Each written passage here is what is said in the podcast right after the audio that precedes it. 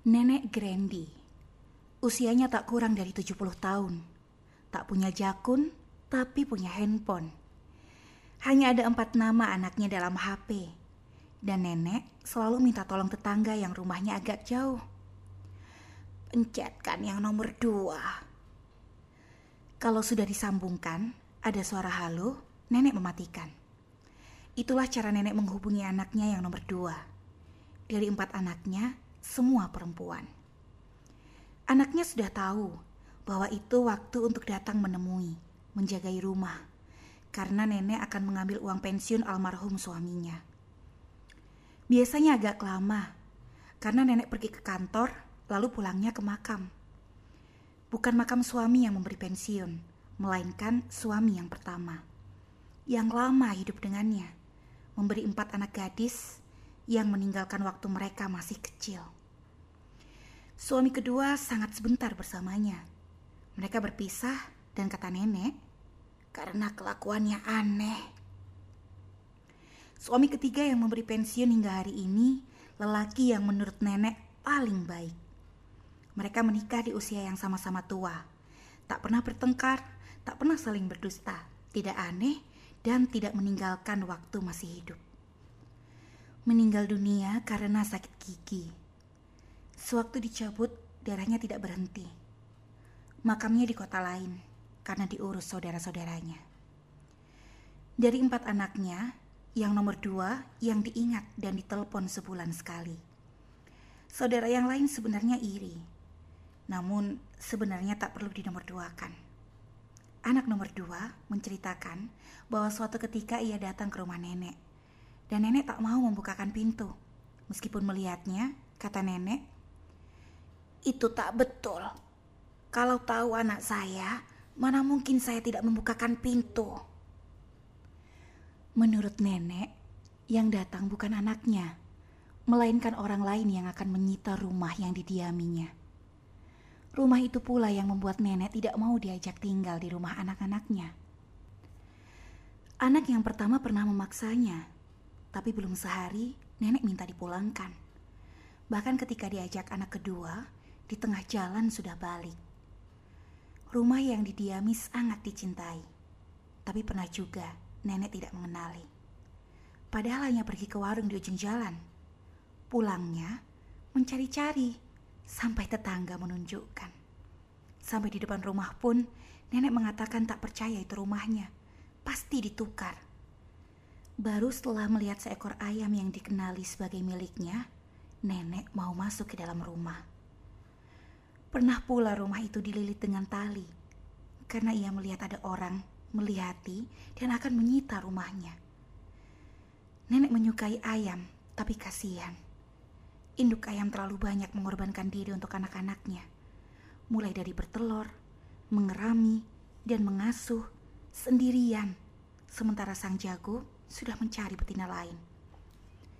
Berbeda dengan ular yang jago bertelur, mengerami, dan ketika anaknya menetas, ular pergi jauh karena dalam keadaan lapar, ular bisa memangsa anaknya. Binatang yang paling dibenci adalah tikus.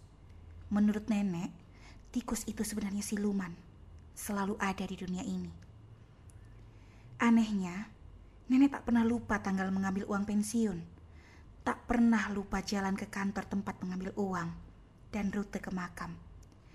Kata anaknya yang nomor tiga, pernah keliru mengenali makam yang didatangi. Tapi menurut nenek tidak keliru. Memang, bapak kamu suka pindah. Dulu juga pindah ke rumah istrinya. Anaknya yang nomor empat sering jengkel. Karena nenek setiap kali didatangi bersama suami, selalu bertanya, siapa lelaki yang bersamanya. Duh, Nek, itu kan menantu nenek. Jawaban nenek enteng saja. Ah, yang kamu ajak kemari bukan dia. Mula-mula menantu nomor empat penasaran dan pernah datang sendiri. Dan benar-benar tak ditemui. Nenek mengatakan tidak mengenal. Datang lagi bersama istrinya juga ditanyai lagi. Ini siapa? Kamu jangan gampangan mengajak laki-laki. Sebaliknya, Atau sebenarnya hampir sama anak nomor tiga dijadikan contoh. Itu bagus, kamu sudah bercerai, tapi masih datang kemari berduaan. Suami nomor tiga pernah marah, tersinggung, dan tak mau datang lagi. Sampai kemudian benar-benar berpisah. Keempat anaknya tidak tahu kenapa nenek mengatakan namanya Grandy. Tetangga yang seumuran dengannya juga tak tahu alasannya. Suaminya juga tak bernama Grandy atau dekat-dekat dengan kata itu, misalnya Gandhi atau Didi atau Grand. Kadang juga tak selalu menyambut baik sapaan sebagai nenek. Seorang anak kecil yang bertanya padanya, Nenek mau ke mana? Dijawab kurang menyenangkan. Maaf ya, saya bukan nenek kamu. Nenek hidup sendirian di rumah itu, memasak, mencuci, dan melakukan semuanya sendiri. Sewaktu anak pertama memaksakan pembantu di situ, diusir. Kamu jangan di sini tidurnya. Nanti suamiku menidurimu. Waktu digantikan pembantu pria pun diusir pula. Lelaki itu dasarnya baik kalau bekerja di rumahnya sendiri, bukan di rumah orang lain. Kesukaannya memelihara ayam karena katanya ayam tidak cerewet dan tidak merugikan tetangga. Pernah anaknya yang nomor tiga juga yang nomor dua membelikan kambing untuk dipelihara tetangga. Nanti hasilnya kalau kambing itu beranak dibagi dua. Tapi nenek menolak dan memberikan ke tetangga.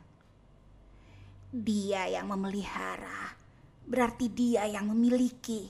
Contohnya ayam-ayam ini anak atau menantu pernah membelikan pesawat televisi, tapi hanya dinyalakan di hari pertama membeli. Selebihnya didiamkan terus. Gambarnya sama. Nenek pernah mendadak mengumpulkan semua anaknya yang datang tergesa dan bertanya-tanya kenapa. Pikiran mereka dipenuhi kecemasan, juga kerelaan. Apalagi sebelumnya mendapat kabar bahwa nenek sakit meskipun selalu dikatakan sebagai masuk angin. Setelah semua berkumpul, nenek berkata dengan serius. Wajahnya berubah tirus. Kalian semua harus berhati-hati. Tadi saya melihat pasukan Jepang masih berkeliaran. Mereka datang untuk memperkosa. Selain Jepang, juga pasukan Belanda yang berkeliaran untuk merampok rumah jalanan, jembatan, kereta api, dan pasar. Mereka bersenjata lengkap. Anak yang nomor tiga mencoba menerjemahkan bahwa pasukan Jepang itu kiasan pemerkosa. Jadi harus hati-hati. Juga pasukan Belanda yang bersenjata lengkap yang merampas jembatan sampai pasar. Tapi nenek berteriak bahwa itu bukan simbol.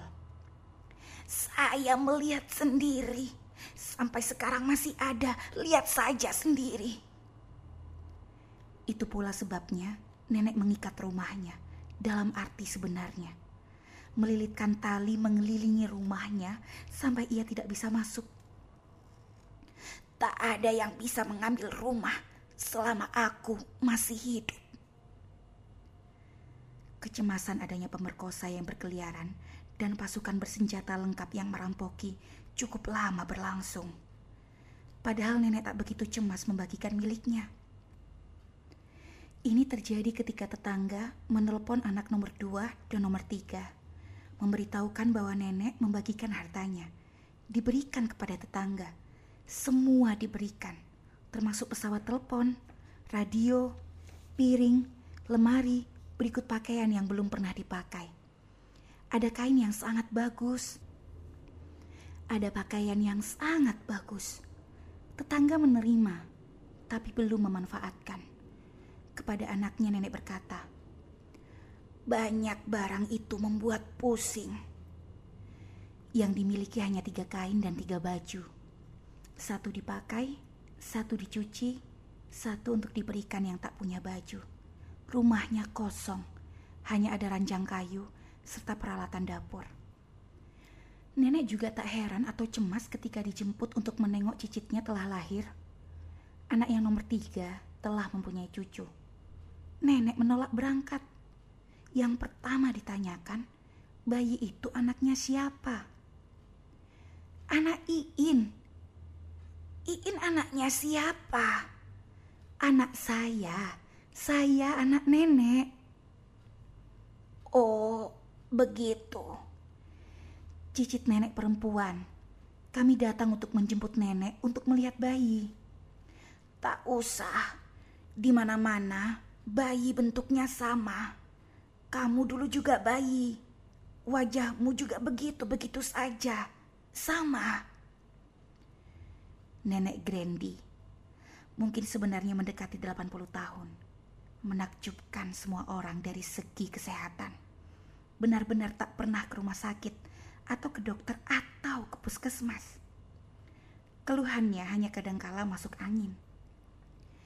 Kalaupun diingatkan suka batuk-batuk, nenek menjawab batuk bukan penyakit. Batuk itu seperti kentut atau jerawat, harus dikeluarkan atau keluar sendiri.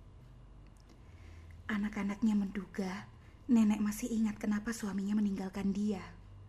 Tapi dia tak mau menceritakan riwayat yang sesungguhnya yang tak diketahui anak-anaknya karena waktu itu masih kecil.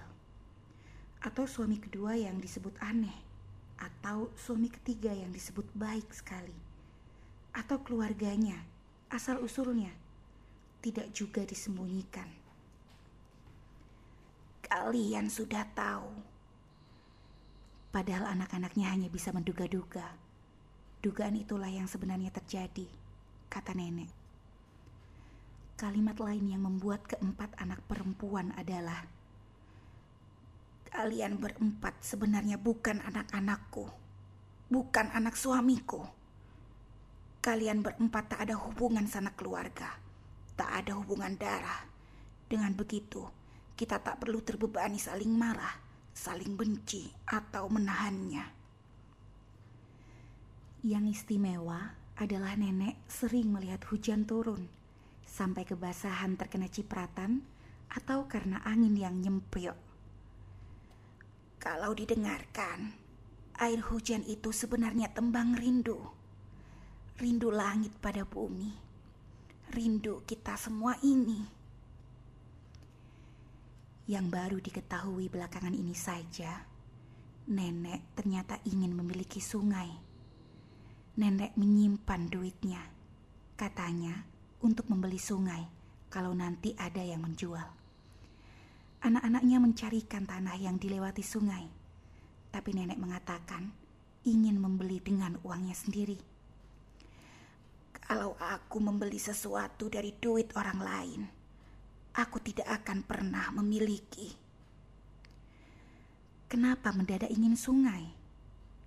Nenek kesal karena harus menjawab yang tak perlu dijawab tapi kemudian menjawab sendiri dengan bangga.